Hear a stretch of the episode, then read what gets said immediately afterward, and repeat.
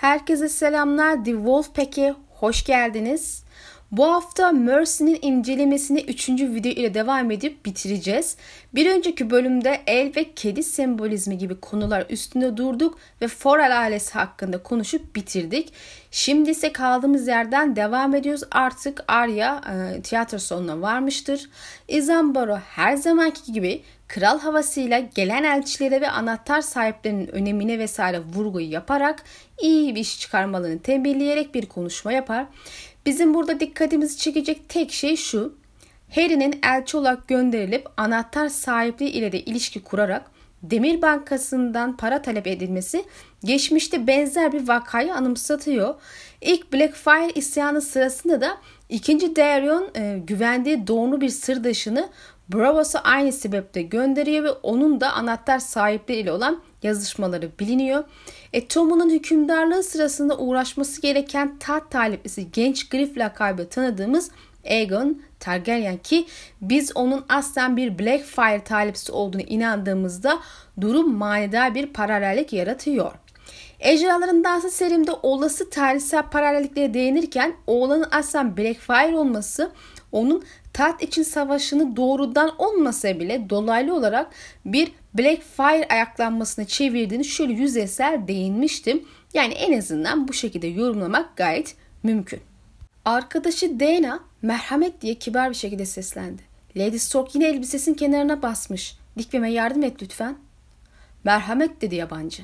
Şu lanet olası macunu getir boynuzum açılmış.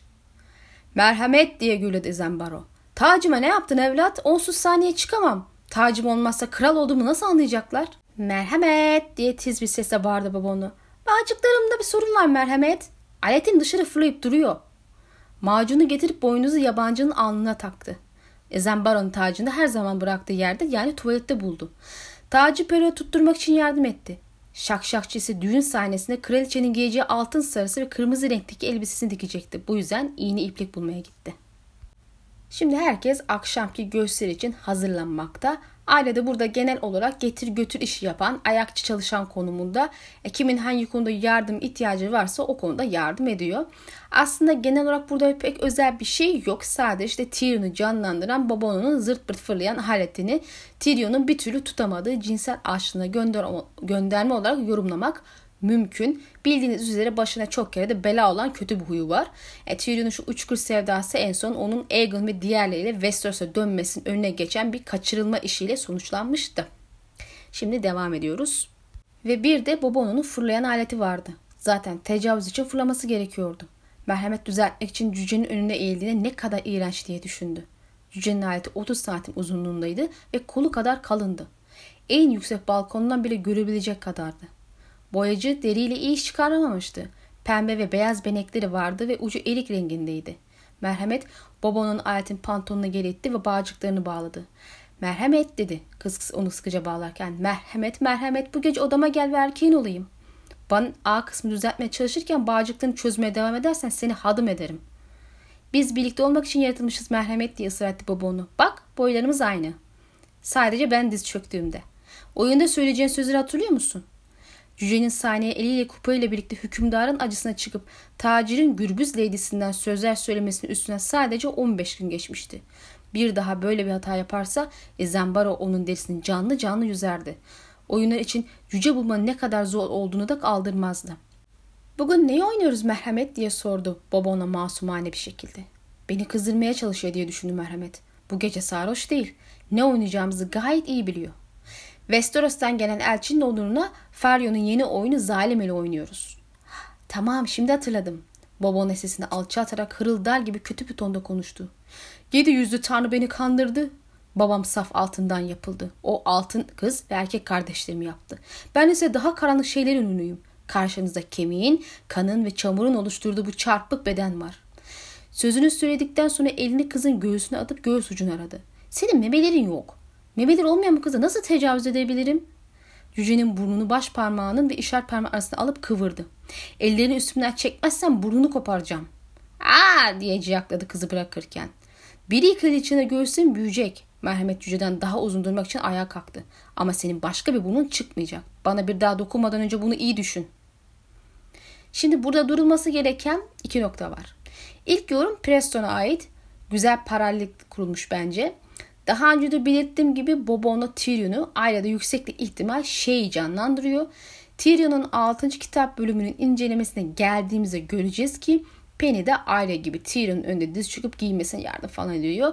Orada da bir anda aklı Yeşil Çatal Savaşı'nda şeyin ona zırh giydirmesine yardım ettiği gün geliyor. Ve bir an Penny'yi de şey gibi algılıyor. Bir anlık dahi olsa Arya ve Bobona sahnesi Tyrion ve şey arasındaki bir paralel sahneye denk geliyor. E, Tyrion cinsel arzularına gen vuramamakla ilgili bir serzenişte bulunuyordu yanlış hatırlamıyorsam. E, bizim de e, Bobona üstünden yaptığımız yorum buydu zaten. E, zırt pırt Bobona'nın işte sahte aleti de yerinden çıkıyor. E, Tyrion'un başına bela olan iki şeyden biri zaten bu diğeri de dili. Şimdi ikinci yorum da bana ait. Burada bence Martin mektupta yazdığı taslağı bir gönderme yapmış. Elbette cücenin bizim cücemizin canlandırdığından şüphe eden varsa diye komik bir gönderme de yapmış olabilir yani. E, Tyrion'u simgeleyen cüce Bobono birbirimiz için yaratılmışız diyerek bizim Arya'ya asılıyor ve sanırsınız ki cüce kızı abayı yapmış. Tabii ki öyle bir şey yok. Sadece çapkınlık yapıyor. Buna kızan Arya da senle ben başka dünyaların insanlarız kıvamında babanın girişimini baltalıyor ve öfkeni burnunu kıvırıyor böyle. Bir burun daha çıkmaz diyerek onu koparmakla tehdit ediyor ki evvelinden de hadım etmekle tehdit etti. Biliyoruz ki Tyrion'un burnu kesildiği için o burun bir de asla çıkmayacak. Ee, daha kendine hakim olamama sorunu olan Tyrion hadım edilir mi hikayenin bir yerinde merak etmiyor değilim aslında. Konuyu da atmadan devam edelim. Martin'in editörüne gönderdiği mektupta John, Arya ve Tyrion arasında bir aşk üçgeni planladığını okumuştuk. Bu tamamen terk edilmiş bir olay örgüsü mü hala kesin olmasak da devam etsin ya da terk edilsin hiç fark etmiyor. Martin burada bu Tyrion'un aile aşkı planı bir göz kırpmış, bir el sallamış gibi duruyor. Bu arada izlememiş olanlar varsa eğer e, Martin'in ilk taslak mektubunu inceleyin videoyu izlesin derim. Şimdi tekrar bir alıntıyla devam ediyoruz. Elçi zayıf ve bir kel adamdı. Çenesinde bir tutam gri sakal vardı. Kadife pantolonu ve belerini sarıydı. Yeli o kadar parlak bir maviydi ki merhametin gözleri yaşarttı. Göğsünün üstündeki kalkanı sarı desenlerle süslenmişti. Kalkanında lacivert taşından mağrur duruşlu ve mavi renkte bir horoz vardı. Muhafızlardan biri oturmasına yardım etti. Diğer ikisi locanın arkasında bekledi. Yanındaki kadının işi elçinin üçte biri bile olamazdı. Kadın o kadar güzeldi ki o geçerken ışıklar daha parlak yanıyor gibi görünüyordu. Sarı renkteki dekolte elbisesi ipektendi ve kadının esmer cildine zıt duruyordu. Siyah saçları altın rengi fileyle bağlanmıştı. Altından ve oltu taşından kolyesi göğüslerine kadar iniyordu. Onu izlerken kadın eğilip elçini kullanan adamın gülmesine neden olacak bir şeyler fısıldadı. Ona esmer inci demeliler dedi merhamet. Siyahtan ziyade esmer. İlk siyah inci mürekkep kadar siyahmış diye yanıt verdi Diana. Deniz Dorlu'nun oğlunun yaz adalarından bir prensesle yaptığı bu çocuk korsan bir kraliçeymiş. Sonra Westeros'un ejderha kralının sevgilisi olmuş. Ejderha görmeyi çok isterdim dedim merhamet istekli bir şekilde. Şimdi Harry Swift'ten ziyade burada ilgimizi çeken tek kişi Siyah İnci. İlk Siyah İnci ile aynı ismi taşıyan bu ablamız melezene melezene herhalde siyah renkten daha esmer bir renge açılmış ama ilk Siyah İnci'nin ismini ve unvanını taşımaya devam ediyor. Kendisi Bravos'un en ünlü zaniyesi. Harry'nin yanında bu kadın ile beraber 5 anahtar sahibi olduğuna göre Bravos Westeros elçisine gerçekten kıymet veriyor olmalı. Yahut ayağına gelen önemli şahsiyetler için geleneksel bir hizmet. Aile genelde önemli şahsiyetlerin ağırlıkta kubbe ya da deniz fenerindeki gösterileri izlemeye gittiğinden bahsetmişti. Burada onlar için ayrılan locanın yarısından fazlası dolu olmazmış. Bu sebeple neden Harry'i buraya getirdiklerini merak etmedim değil. Aklıma ilk gelen şey oyun yüzünden oldu. Oyun Tyrion hakkında ve tat güzellemesi yapıyor. Bu sebeple Bravos Lordları Harry'i buraya getirmek istemişler diye düşündüm ama oyun Harry'nin haberin duyurulmasının önce alel acele mi yazıldı yoksa tevafuk mu denk geldi orası net değil. İlk siyah incinin aslında değersiz Aegon'un metresi olması dolayısıyla acaba genç Griff Aegon ile bir ilişkisi olur mu falan diye sormuş Pearson o tarz bir şey ama ben sanmıyorum. E, dürüst olmak gerekirse sırf isim benzerliğinden yola çıkarak yakıştırma yapılması bir noktadan sonra gerçekten sıkıyor. Hani karakterler ve olaylar arasında bağlantı kurup benzetmek vesaire bir şeyler öngörmek için e, bir iki benzerlikten fazlasına ihtiyacımız var arkadaşlar. Böyle bir sağda solda iki tane kelime aynı diye alıp da birleştiremezsiniz.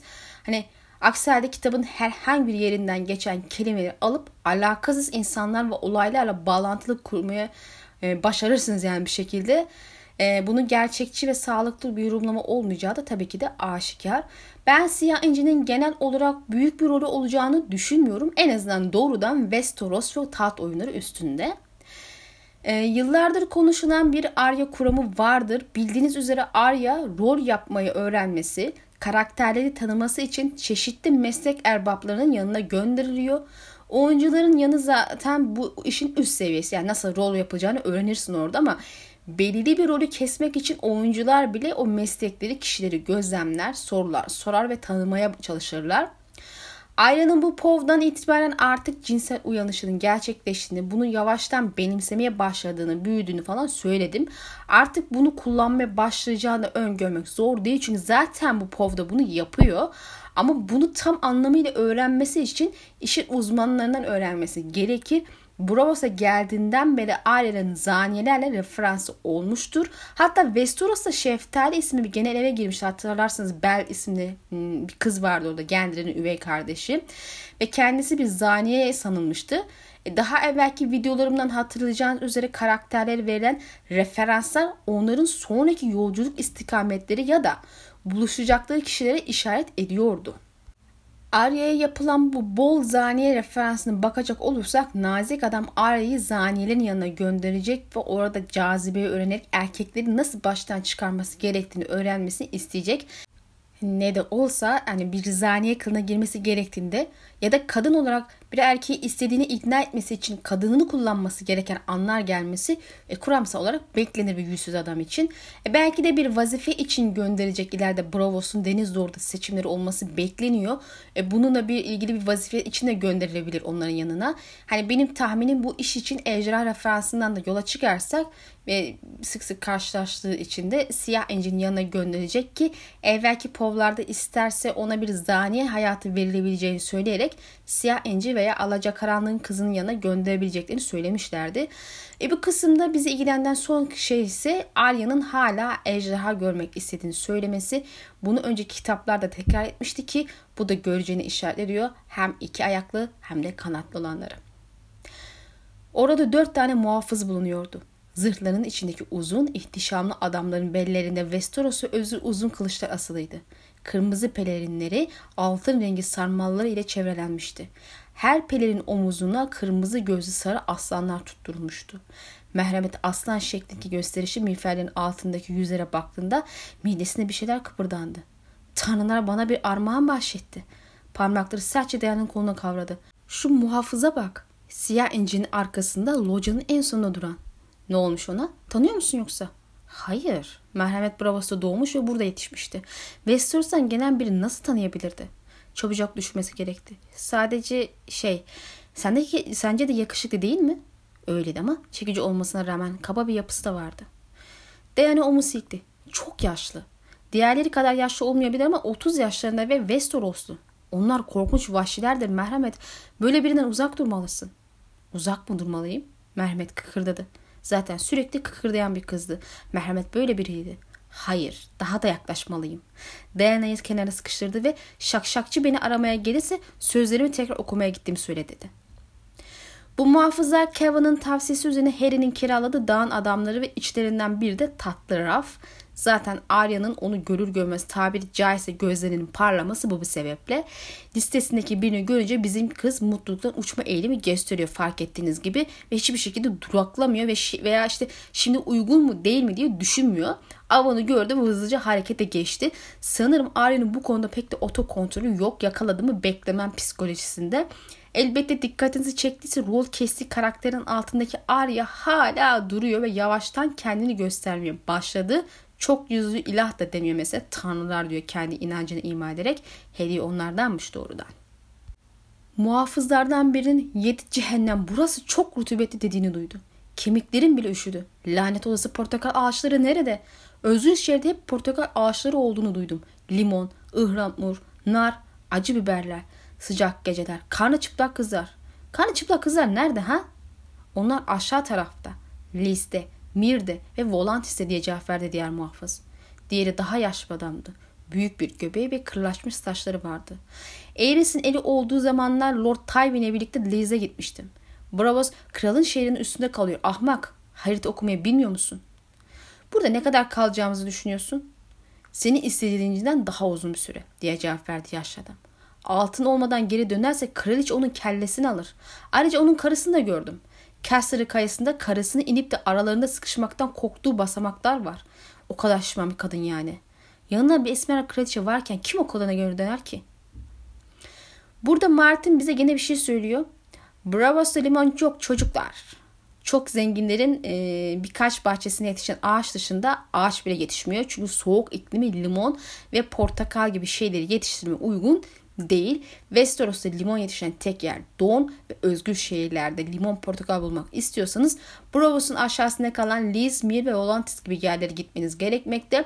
Miren'de de bile birkaç portakal ağacı, özür dilerim limon ağacı vardı. Yani haritayı açtığınızda en aşağıda kalan güney bölgesi, bölgelerine yetişiyor. Vadide, nehir topraklarında hatta taç ve fırtına topraklarında yetişmiyor. Don ve aynı paralelde bulunan yerlerde yetişiyor. Hali Deni'nin limon ağacı olan Bravos'taki ev hayalinin kökü nereye dayanıyor? Hayran arasında hep bir soru işareti olmuştur. Önce şunu söylemek gerekir.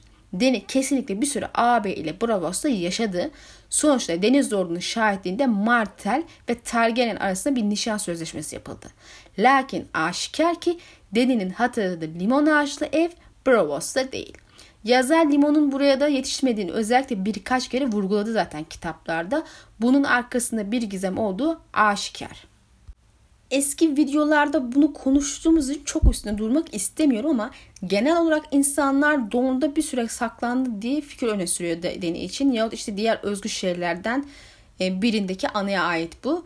E, Deni doğdu doğalı sürekli şehir değiştirdiği için bir noktadan sonra anıları nereye gitti, nereye aitti falan karıştırması bence çok doğaldır. Benim bile zaman zaman, zaman anılarım karışabiliyor. Lakin yazarın bu anı karıştırmasındaki amacı tam anlamıyla bir muamma. Yani Kırmızı Kaba'nın genelde hikayelerde ağır travmatik olayların bilinç altına gömülmesi simgelediğini söylemiştim. Kapı açıldığında travmalar kendini gösterir ve onlarla yüzleşirsin. Ben genelde bu kısım üstünde duruyorum. Bu ağır travmalar ya bizim okuduğumuz ve deninin arkasına bakmak istemediğini söylediği olayların bilinç altında gömülüp bir şey olmamış gibi devam etmesi ya da kitap öncesi yaşanan ve bizim daha görmediğimiz bir olay. Bir ihtimal Deni'nin bu anısı Tyroş'a ait olabilir. Çünkü onun bol bol Tyroş referans olduğu gibi aksanı bile Tyroş. Bu şehir ve Don coğrafik olarak birbirine yakın olduğu için, aynı paralelde olduğu için benzer ya da yakın bir iklime sahip zaten. Limon yetişimi elverişli olduğunu düşünebiliriz. Devam edelim. Pov'da zalim el oynanmaya başladı diye bir cümle var. Aslında benim aldığım yerde çevirisini yapan arkadaş birebir çevirmişti diyemem. Zalim el aslında kanlı el diye daha doğru bir şekilde çevirebilir. Yani e, ayrıca İngilizcesinde e, leech yard diye bir kelime geçiyor cümlede. Tam cümle the bloody hand opened in a leech yard şeklinde. Leech yard kelimesi graveyard kelimesini ifade ediyor aslında yani mezarlık. Oyun bir mezarlık sahnesiyle açılmış. Seride bu kelime kemik ve kalıntıların gömülebileceği bir çeşit mezarlık türüymüş. Preston açılış sahnesinin bu tür bir mezarlık şeklinde olmasını Tyrion'un 6. kitap Pov'un açılışıyla bağlantılı olduğunu düşünmüş. Çünkü Tyrion bir savaş sahnesi de kitapta görülüyor 6. kitapta ve doğal olarak etrafta böyle cesetlerden bol bir şey yok. Hikaye elbette doğrudan bir katkısı olan ayrıntı değil bence sadece hoş bir gönderme o kadar. Daha evvel demiştim zaten Martin bu povda bol bol göndermeler yapıyor. E bununla beraber oyun sahnesinin kurulduğu kapı da çok sağlam bir bölge değil. Bir süredir yavaş yavaş batan, sulara gömülen bir yer. E bu sebeple çok sağlam bir zemin oturmadığı düşünülürse olası bir felakette buradaki herkesin yahut bir kısmının öleceği ve bu bölgenin bir çeşit mezarlığa dönüşebileceğini ifade etmiş olabilir yazar. Hayli belli mi olur belki böyle bir şey de görebiliriz. Devam edelim. Bulunduğu yerde muhafızların yüzünü çok rahat bir şekilde görebiliyordu. Emin olmak için dikkatli bir şekilde inceledi. Onun için çok mu gencim diye endişeye kapıldı. Çok mu gösterişsizim? Ya da çok mu sıskayım? Muhafızın büyük göğsü kızlardan hoşlanmayan bir erkek olmasını umdu. Babanı onun göğsü konusunda haklıydı. En iyisi onu kaldığım yere götürmek olur ama benimle gelir mi ki? Tatlı Raf, Helen'in yanındaki zaniyeleri paylaşmayacak olmasın hatta onları umursamaması üzerine yanındaki muhafız ile sohbet ediyordu. Aile de bunu duyduğu için Raf'ın tam olarak neyi de, neyin derdinde o olduğunu neyse de çok iyi biliyor. Hale planında bunun üstüne yaparak Arya burada tatlı Raf'ı cezbetmek için düşünmeye başlıyor. Onun ne tür kızlardan hoşlandığına emin değil. E bu sebeple avı tuzağa çekmek için ortaya atacağı yemin av için yeterince cazip olmamasından endişe ediyor ki burada avcı da yem de kendisi. E, baba küçük göğüs olmasına şikayet etmişti ve ailede bunun şu an bir sorun teşkil edebileceğinden endişeleniyor. Genel olarak daha önce yaptığı bir şey değil ve zaten kendisini genelde güzel olarak görmediği için bu konuda çok yüksek özgüvene sahip olduğunu da söyleyemeyiz. E, gerçi Arya burada bir ihtimal başka bir kızın yüzünü giyiyorsa güzellik meselesinde o kadar özgüvensiz olmayabilir ama bedeni konusunda emin olamıyor. E, bununla beraber kanalların kedisi gibi kendi oluşturduğu bir karakter de olabilir bu e, Mercy. E, bu konuda kesin net bir bilgimiz maalesef yok. Eğitim sahnelerinde genelde kendi yüzüyleydi. Sadece suikast yapacağında yeni bir yüz almıştı. Belki gene kendi yüzüyle eğitimlidir. Beni isteyecek ya da reddedecek diye düşündü. O halde oyun başlasın. Çok yüzü Tanrı'ya sessizce dua ederek bulunduğu girintiden dışarı çıktı ve muhafıza doğru ilerledi. Merhamet, merhamet, merhamet. Lordlarım dedi. Bravos dilini biliyor musunuz? Lütfen bildiğinizi söyleyin. İki muhafız birbirine baktılar. Ne oluyor diye sordu yaşlı olan. Bu da kim? Oyunculardan biri dedi yakışıklı muhafız. Kaşının üstüne düşen saçı sarı saçını geri etti ve gülümsedi. Üzgünüm tatlım senin zırva dilini konuşmuyoruz. Hey lanet diye düşündü merhamet. Sadece ortak dili konuşabiliyorlar. Bu hiç iyi değildi. Vazgeç ya da devam et. Ama vazgeçmedi. Onu deli gibi istiyordu. Sizin dilinizi çat pat konuşabiliyorum diye yalan söyledi.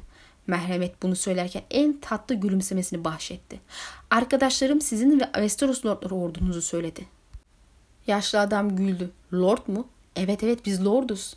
Merhamet utanarak kafasını eğip ayaklarına baktı. Zembaro lordları memnun etmek gerektiğini söyledi diye fısıldadı. İstediğiniz bir şey varsa. Ne olursa.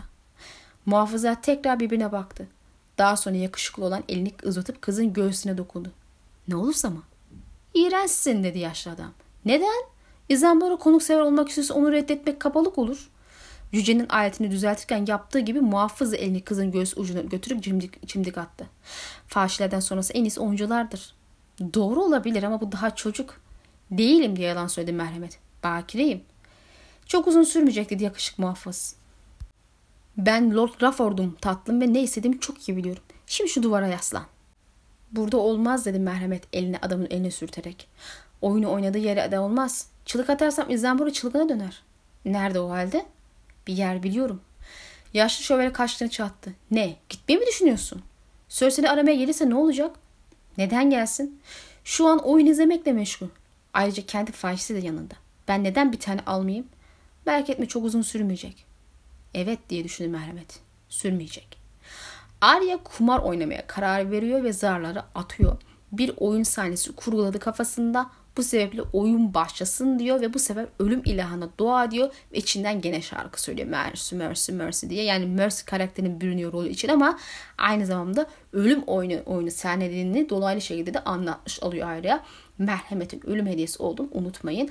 Arya'nın burada konuşmaya başlaması aklıma Deni'ni Astropol'daki ustalara karşı Valyria dilini bilmiyorum ayağa çekmesini hatırlattı.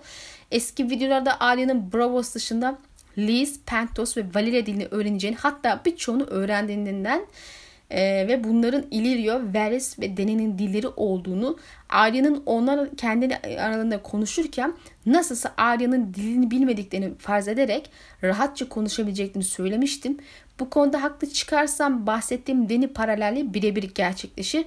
E bu sene de biraz ön izleme gibi oldu benim için. E netice olarak çok da uzun sürmüyor zaten çünkü bu X elbette ki Bravo stili bilmiyor ve Arya vazgeçmek ya da devam etmek arasında bir seçim yaptığında e, işi bitirmeye karar veriyor ve çat pat ortak dili konuşulanını söylüyor onları lord sanmış gibi davranıyor ki bu şekilde hem onları onlara yanaşmak için bir bahane olsun, bahanesi olsun. Aksi halde bunlar sadece muhafız yani ne işi olur onlarla. Hem de birazcık gururunu okşasın ki Raf kımama gelsin. E, Raf biraz önce hizmet ettiği lord ile ilgili şikayet etmişti. E, şimdi Arya ona lord rolünü sunuyor ve o da hemen alıyor. E, zaten Bobona'yı lord olmak için öldürmeye bile düşünüyor. Bir ihtimal o Tyrion olabilir diye.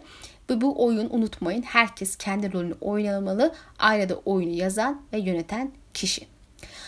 Aslında Arya burada Mercy karakterin dışına çıkıyor. Kurguladığı karakter yahut aldığı yüz Bravos'ta doğma büyüme bu sebeple ne Westeros hakkında bir bilgisi var ne de ortak dili bilmiyor. Bu durumda tüm kurallara aykırı bir hareket ve risk onun yaptığı. Aile her şekilde umursamıyor çünkü tatlı rafı deli gibi istiyor. Burada aslında çifte mana var gibi. İlki cinsel anlamdan gönderme yapıyor gibi ama aslında Arya onun kanını deli gibi istiyor. İkisi de yanlış değil çünkü büründüğü karakter Mercy bu anlamda onu istiyor ve yanaşıyor ama içindeki Arya kan istiyor. Bu sebeple yanaşıyor.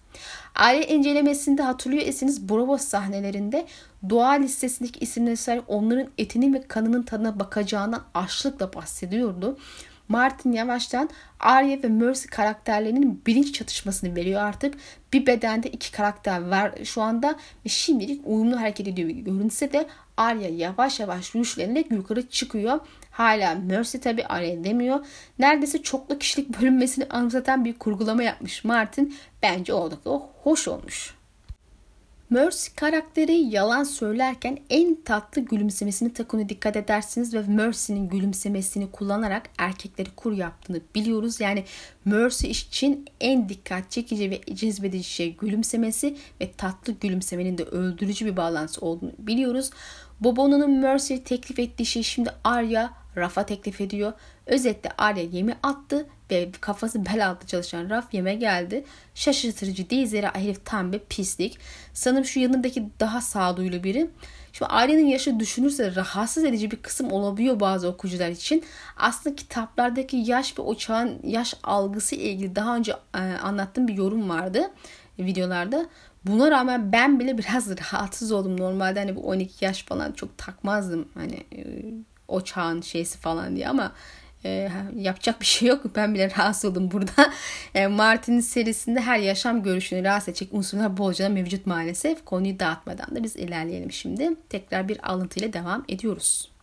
Merhamet adamın elinden tuttu ve onu arkaya götürüp merdivenlerden aşağı indirdi. Birlikte sisli geceye adım attılar. Adam onu oyun salonunun duvarına doğru basırken isteseydin oyuncu olabilirdin dedi adama. Ben mi diye kahkaha attı muhafız. Tüm o saçma sapan konuşmalar. Yarısını bile hatırlamazdım. İlk başlarda zordur dedi. Ama zaman geçtikçe alışıyorsun. Sana sözleri öğretebilirim. Yapabilirim. Kızı bileğinden yakaladı. Şimdi ben sana bir şey öğreteceğim. İlk dersini alma zamanı. Merhamet'i sertçe kendine çekerek dudaklarını öptü. Öperken dilini kızın ağzına sokmaya çalıştı. Bu ıslak ve yapış yapıştı. Tıpkı yılan balığı gibi. Merhamet adamın, adamın dilini kendi diliyle yaladı. Sonra da nefes nefese kendini geri çekti. Burada olmaz. Birileri görebilir. Odam çok uzakta değil ama acele etmeliyiz. İkinci sahne başlamadan önce geri dönmeliyim yoksa tecavüzümü kaçırırım. Adam sırıttı. Korkmana gerek yok. Kızın ona yönlendirmesine izin verdi. El ele tutuşarak sisin içinde koştular. Köprünün üstünden ara sokaklardan geçip 5. kattaki odasının kıymıklı basamaklarını çıktılar. Odasına girdiklerinde muhafız nefes nefese kalmıştı. Merhamet iç yağından yapılma mumu yaktı ve kıkırdayarak etrafında dans etti. Ah çok yorulmuşsun. Ne kadar yaşlı olduğunuzu unutmuşum Lord'um. Biraz kestirmek ister misiniz? Sadece uzanın ve gözlerinizi kapayın. İblis bana tecavüz ettikten sonra hemen buraya geri döneceğim. Hiçbir yere gitmiyorsun. Kızı serçe kendine çekti. Üstündeki şu paçavralı çıkar da sana ne kadar yaşlı olduğumu göstereyim. Merhamet dedi. Benim adım Merhamet söyleyebilir misin? Merhamet dedi adam. Benim adım Raf. Biliyorum.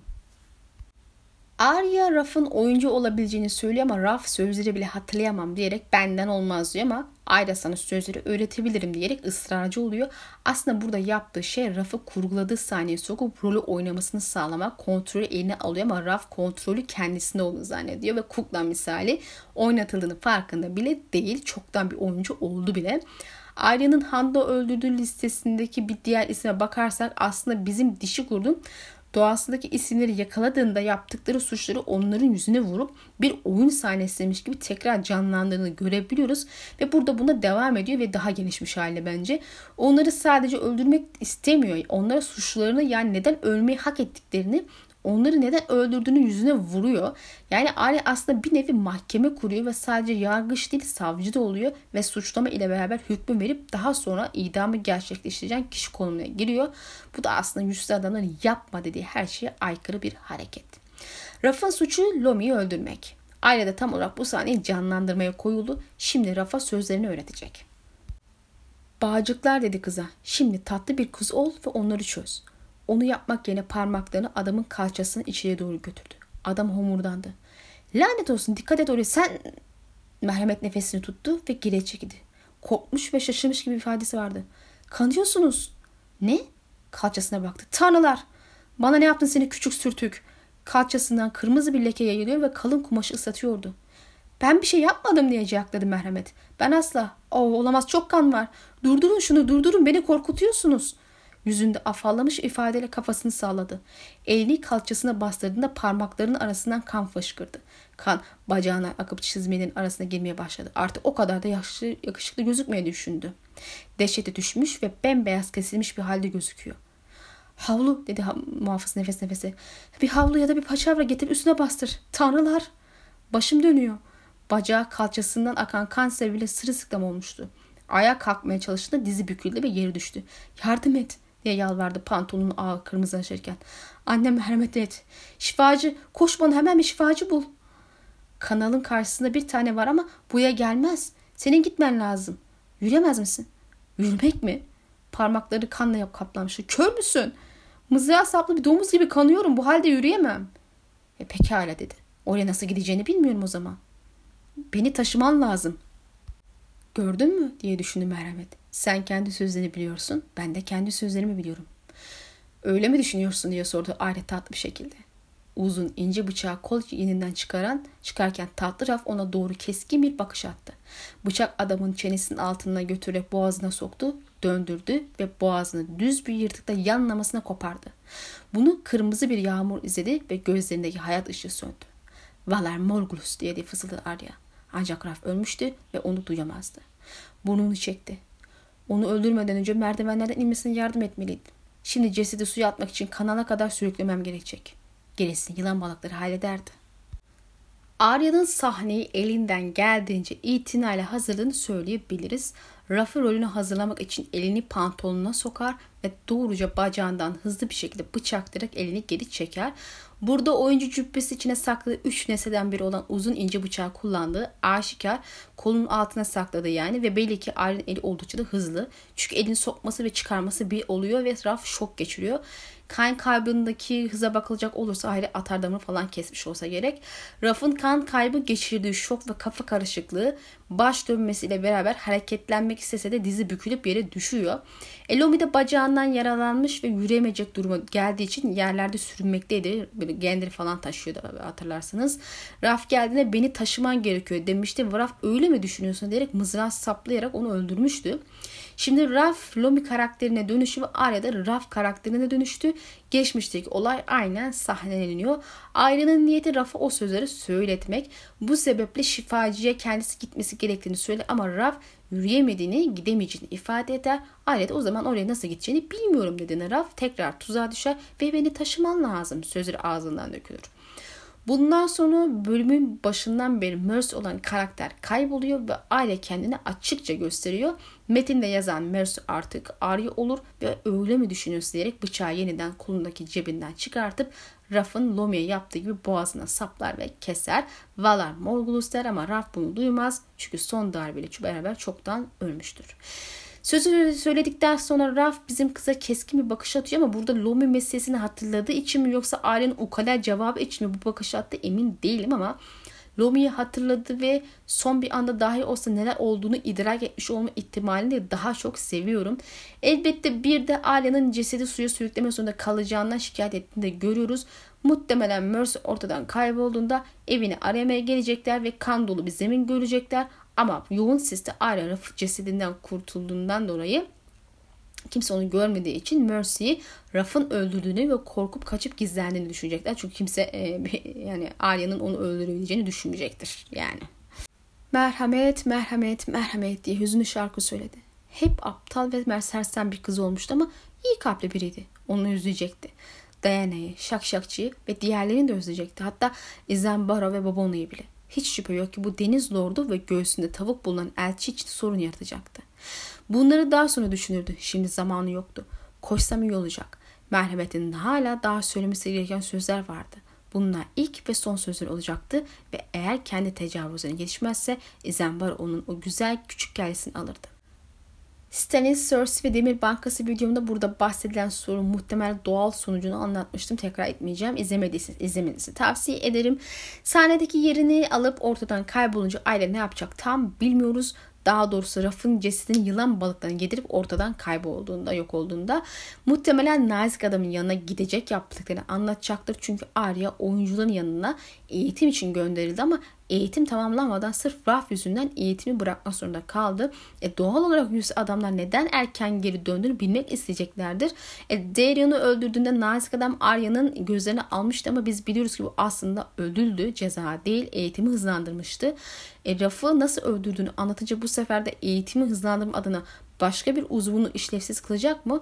Yoksa bu kız öldürmede bayağı seviye atlamış onu Bravo seçimleri için vazifelendirelim gibi bir şey mi diyecek?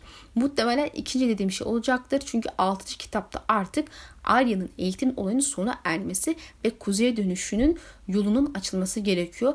Elbette Bravos'a sadece iki eğitim sahnesi ve ses, sisli serin hava manzarası için gelmemiş olmalı. Bu şehrin ve yüzsüzlerin bu kadar itinayla hikayede işlenip de Westeros'a hiçbir numarası olmaması bence düşünülemez. Hiçbir etkisi olmayacakları düşünülemez. Aile sahneleri ile bize bunu gösterilmesi gerekiyor yazarım.